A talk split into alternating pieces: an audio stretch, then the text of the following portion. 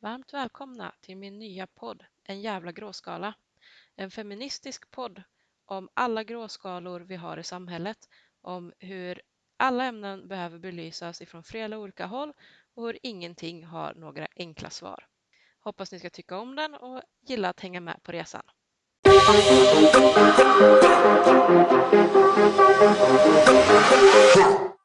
Som första avsnitt vill jag prata om auktoritär uppfostran. Häromdagen la Cissi Wallin upp ett flertal eh, inlägg på Instagram där hon eh, skrev om hur pojkar får eh, komma undan med allehanda taskiga beteenden och att detta skylls på att de skulle ha eh, olika diagnoser. Autismspektradiagnos, ADHD eller liknande. Hon menar där att föräldrar helt enkelt skulle skita i att deras pojkar beter sig illa, att skolan inte bryr sig, att samhället inte bryr sig. Att man pekar på diagnoserna och i princip vill säga att det inte finns någonting att göra åt det här. I sina texter omtalar hon barn som små satungar som föräldrarna borde ta i örat, bland annat. Hon skriver om barn så små som sex år gamla och utmålar dem som patriarkala förövare och föräldrar som i princip lata, eh, ansvarslösa som inte tar itu med sina barn på rätt sätt. Inte tar dem i örat som hon uttrycker det. Hela den här bilden av föräldraskap eh, är extremt auktoritär. Och det auktoritära föräldraskapet är i sig en extremt tydlig förlängning utav patriarkatet. Det som oroar mig eller som stör, stör mig och gör att jag vill göra det här inlägget eller det här poddavsnittet är inte så mycket Cissi Wallins inlägg i sig, eh, kunde inte bry mig mindre egentligen, utan det faktum att så otroligt många personer tyckte att de här inläggen var bra, skrev uppmuntrande kommentarer, hävdar att eh, Cissi Wallin lär dem så mycket om det här med NPF-diagnoser, Eh, barn med särskilda behov och att se mönstren i hur dessa barn blir behandlade. Det är oroväckande när vi redan lever i ett samhälle med en extrem funkofobi där man redan ser ner enormt på barn med de här typerna av funktionshinder. Det finns också en extrem attityd av att de här diagnoserna egentligen inte existerar eller åtminstone inte existerar i den omfattning som de idag diagnostiseras till att man inte såg den här typen av problem hos varken vuxna eller barn förr i tiden.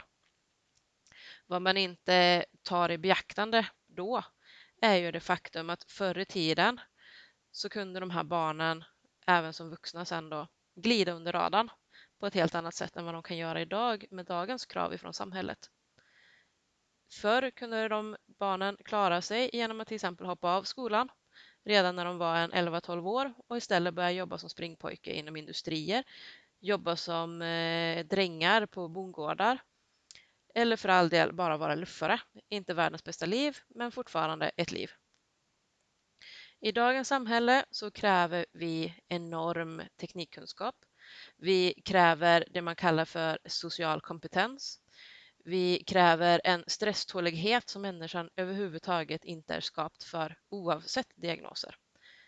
Sammantaget gör alla de här äh, nya kraven, nya synsätten på hur människan ska leva i samhället att de som inte har en så kallad normfungerande hjärna singlas ut. Det som tidigare kunde maskeras under allehanda typer av kroppsarbete där man inte behövde vara speciellt social går inte längre. Det går inte att gömma de här människorna, det går inte att gömma de här barnen.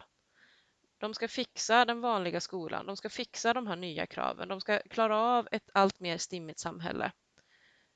Och det funkar inte. Det funkar inte utan rätt stöd. Det funkar inte utan rätt hjälp. Och framförallt så funkar det inte när vuxna runt omkring tror att det enda som behövs är lite hårdare tag mot barnen så ska saker och ting bli bättre. Den auktoritära synen på barn handlar ju om att tänka föräldraskap som ett krig mellan barnet och den vuxna. Att se på barn som små manipulativa satar som endast lever för att ställa till det för de vuxna. Att testa de vuxnas gränser. Att vara jävliga helt enkelt.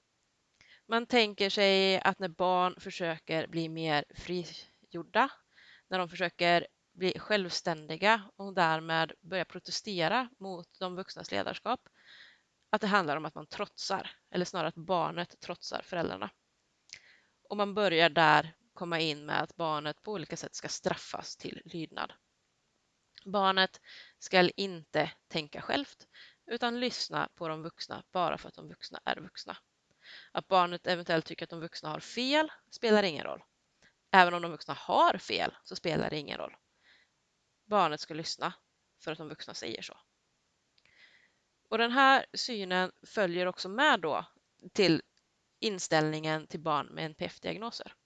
Att när ett barn hamnar i en situation den inte kan hantera och därför blir utåtagerande så tycker man att barnet helt enkelt är ouppfostrat.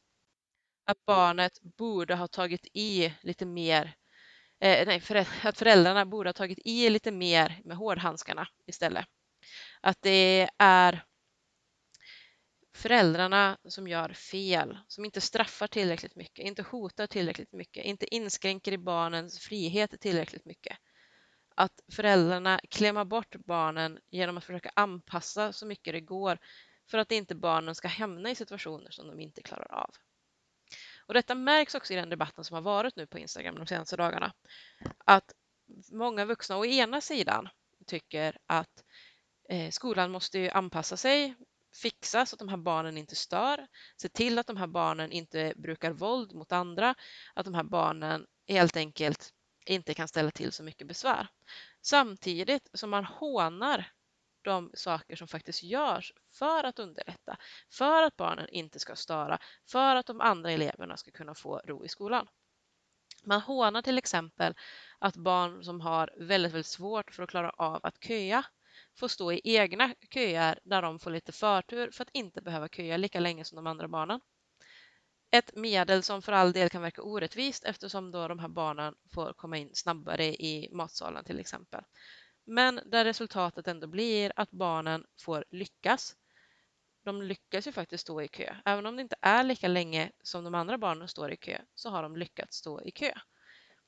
Och de får lyckas med att inte börja bråka med de andra barnen i kön eftersom de inte tvingas stå längre stilla i en kö än vad de kan hantera. Och är det någonting som är viktigt för alla barn, helt oavsett diagnoser, så är det att få lyckas. Att sätta upp barn för misslyckande, det är ett perfekt sätt att skapa barn med en svag självkänsla. Och barn med en svag självkänsla är också barn som lättare agerar ut. Många vill göra kopplingen mellan de här, äh, framförallt pojkarna med NPF-diagnoser och hävda att eftersom de får slåss, får bråka, får stöka eh, så är det också dessa som senare kommer att bli stökiga vuxna. Vuxna som tar till våld, vuxna som blir farliga för sin omgivning på olika sätt.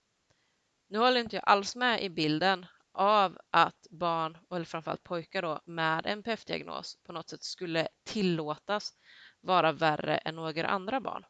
Jag skulle säga att det grundläggande problemet vad gäller pojkars stökighet, det har inte att göra med diagnoser. Det har att göra med en syn på barn där man tycker att pojkar är pojkar. Att det hör till hos pojkar att vara stökiga medan det inte hör till att flickor ska vara stökiga på samma sätt.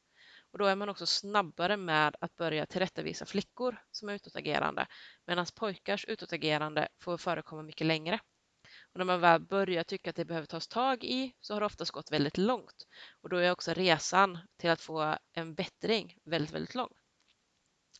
Det kan medföra att den här resan helt enkelt avbryts i förtid. Omgivningen orkar inte vänta på att barnet ska lära sig bättre beteenden. Istället börjar man attackera föräldrarna eller man attackerar skolan för att inte göra tillräckligt. När både föräldrar och skolan kanske redan går på knäna, provar alla möjliga grejer som finns att ta till och verkligen kämpar för att det här barnet ska fungera. Men där omgivningen helt enkelt motarbetar framstegen genom att kräva hårdare tag, genom att kräva auktoritet genom att tycka att mjuka metoder som lågaffektivt bemötande, labb, eller ett nära föräldraskap eller ett fritt föräldraskap eh, är flum. När man tycker att den här typen av bemötande av barn är att klämma bort barnen, att man inte utsätter dem för verkligheten i världen som är hård och tuff.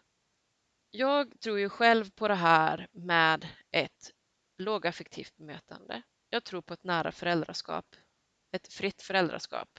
Ett föräldraskap fritt från straff, fritt från skambeläggande, fritt från hot.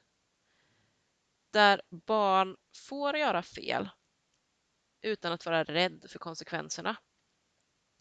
För att konsekvenserna inte blir allvarligare än vad de behöver vara.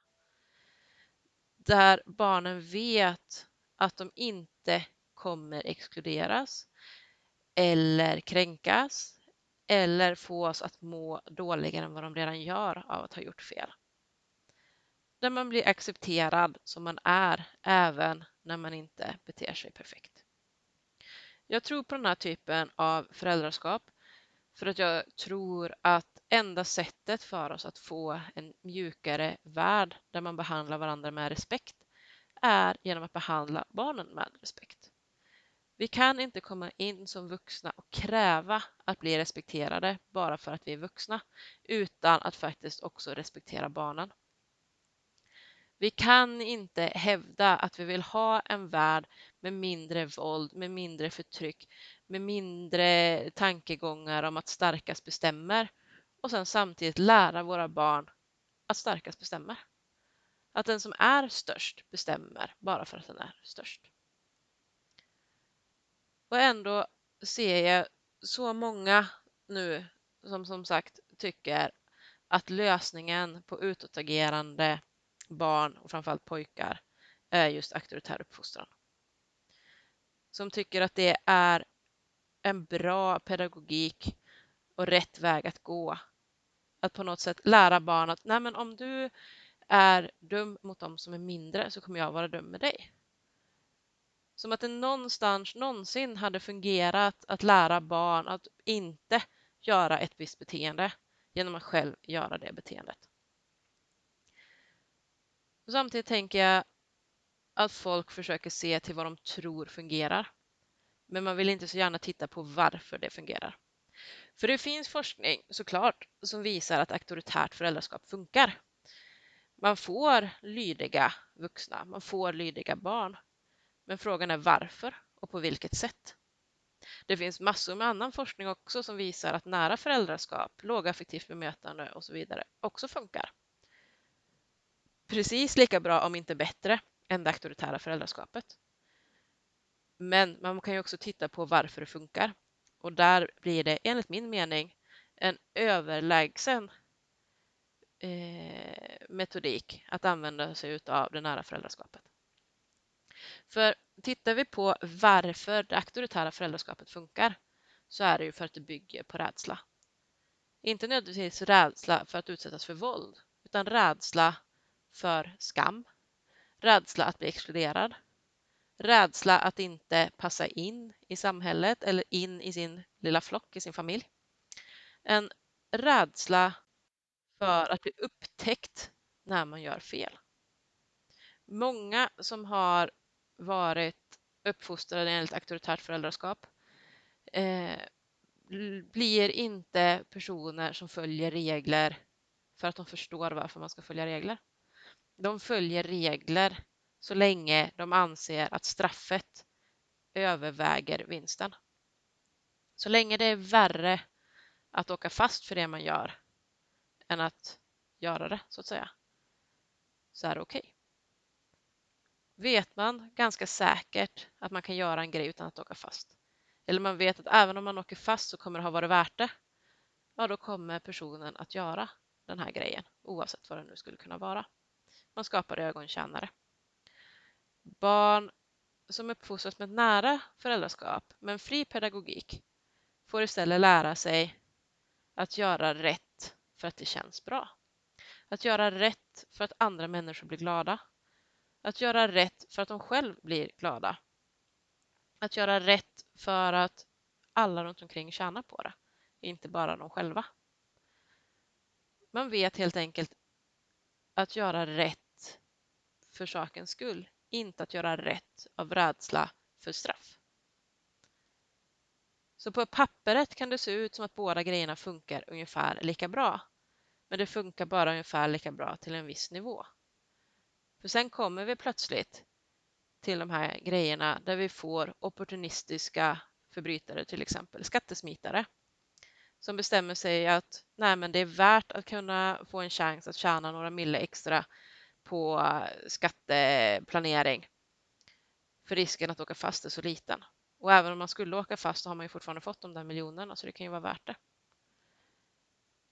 Vi vet också att empati är någonting medfött, men det är också någonting som kan tränas bort. Ett barn som ständigt blir empatilöst bemött kan lära sig att träna bort sin egen empati. Att hamna i en situation där den börjar tänka att om ingen vill visa empati med hen, varför ska hen visa empati med någon annan? Vi har ett flertal seriemördare i historien som är den typen av barn som hela tiden har bemötts empatilöst med ett auktoritärt föräldraskap där våld har varit en vardag, både fysiskt och psykiskt och ibland även sexuellt. Och där barnet till sist har utvecklat en skev inställning till andra människor eftersom alla andra människor har visat en skev inställning till barnet. Och barnet har till sist tappat sin förmåga att känna empati med sin omvärld. Så beroende på hur långt man drar den här äh, auktoriteten i föräldraskapet, ju större skada kan det göra. Och när det kommer till barn med eh, funktionsvariationer, psykiska funktionsvariationer som gör att de redan från början känner att de är i osynk med hela samhället gör den här typen av inställningar till barn ännu större skada. För det innebär att barn redan från början känner sig avvikande, kanske misslyckad, mår dåligt över att inte kunna hantera situationer på samma sätt som den tycker att sina kompisar klarar av att hantera situationer. Att då i det läget börja bestraffa beteenden som barnet inte kan rå för skapar en ytterligare last på barnet av att känna sig misslyckad och utanför. Känslor som inte kan hanteras hos barnet på andra sätt än att bli mer utåtagerande. Så när man uppmanar vuxna att ta barn i örat, att skälla, att kanske ta saker i egna händer och söka upp barnet på skolgården som har varit dum mot ens egna barn och börja skälla på dem så har man ingen aning om vilken skada det där kan göra. Jag har jobbat med barn med NPF. Ett barn som jag kommer ihåg väldigt väl var en kille som varje chans han fick var väldigt mycket av en översittare mot de andra barnen. Det var återkommande och de andra barnen blev såklart ledsna. I och med att detta var i skolan så hade vi som personal tystnadsplikt mot de andra föräldrarna.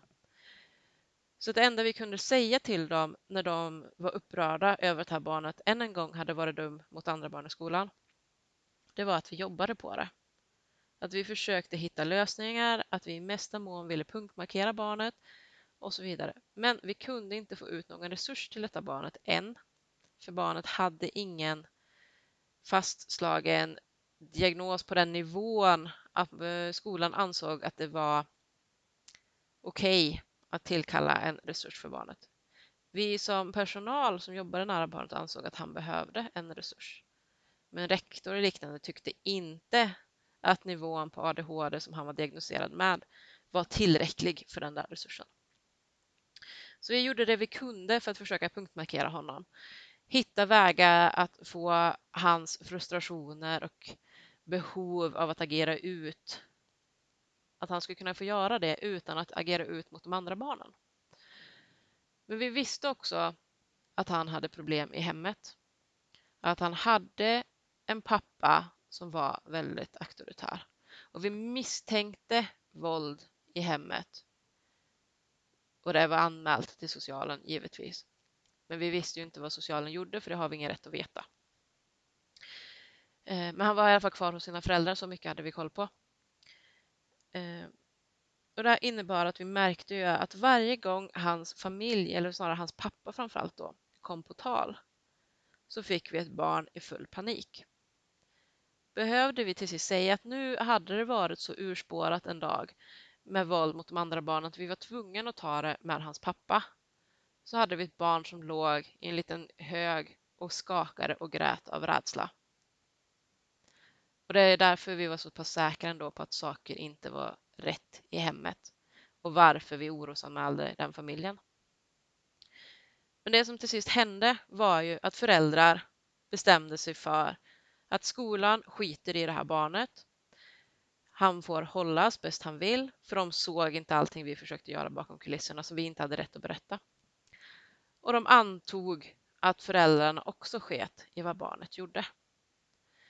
Så några föräldrar skällde ut barnet på skolgården innan vi som personal hann avbryta.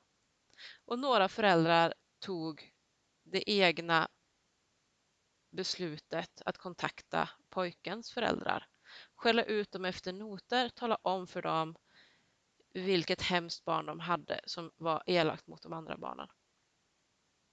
Och vi kan ingenting veta om vad som hände efter det här samtalet hem till hans föräldrar. Men det jag vet var att när barnet till sist kom tillbaka efter att ha varit sjuk i några dagar så var det en pojke som var så extremt nedtryckt, så ledsen, så förstörd, så rädd för minsta rörelse från vuxna runt omkring honom och samtidigt så fylld i frustration att han blev ännu värre. De framsteg vi ändå hade gjort var som bortblåsta. Han hade gått in i någon inställning att eftersom alla verkar tycka att han var så hemsk så skulle han minsann visa hur hemsk han kunde vara. Jag jobbar inte kvar så länge på den här skolan att jag vet vad som hände med den här pojken sen. Men jag vet vilken enorm fara och vilken enorm skada föräldrarna gjorde mot det här barnet för att de hade bestämt sig någonstans att det enda som var fel var att hans föräldrar inte tog honom hårdare i örat. Jag vill lämna er lite med den berättelsen, lite den tanken, vad som kan hända när man som utomstående tror sig veta var problemet ligger. När man tror sig veta att de här bråkiga Pelle eller Kalle eller Ahmed bara är ouppfostrade. När man tror sig veta att det bästa sättet att lösa situationen är att skälla ut föräldrarna efter noter och säga åt dem att vara tuffare emot sitt barn. För man vet inte vad som gömmer sig bakom kulisserna. Man vet inte vad det här barnet har för hemsituation. Och man vet inte vilka risker man utsätter barnet för i tron att hårdare tag är den bästa lösningen på alla problem. Tack för mig. Mer om nära föräldraskap, om feminism och eh, politik i största allmänhet kommer framöver i nya poddavsnitt. Om ni har några önskemål eller tankar om ämnen ni önskar att jag ska ta upp så är ni varmt välkomna att föreslå dem till mig antingen på Instagram eller Facebook under vardagsrasismen. Jag kommer förhoppningsvis kunna ha med gäster framöver också så att ni inte bara behöver lyssna på mig prata varje gång. Men till nästa gång så ha det så bra och så hörs vi igen.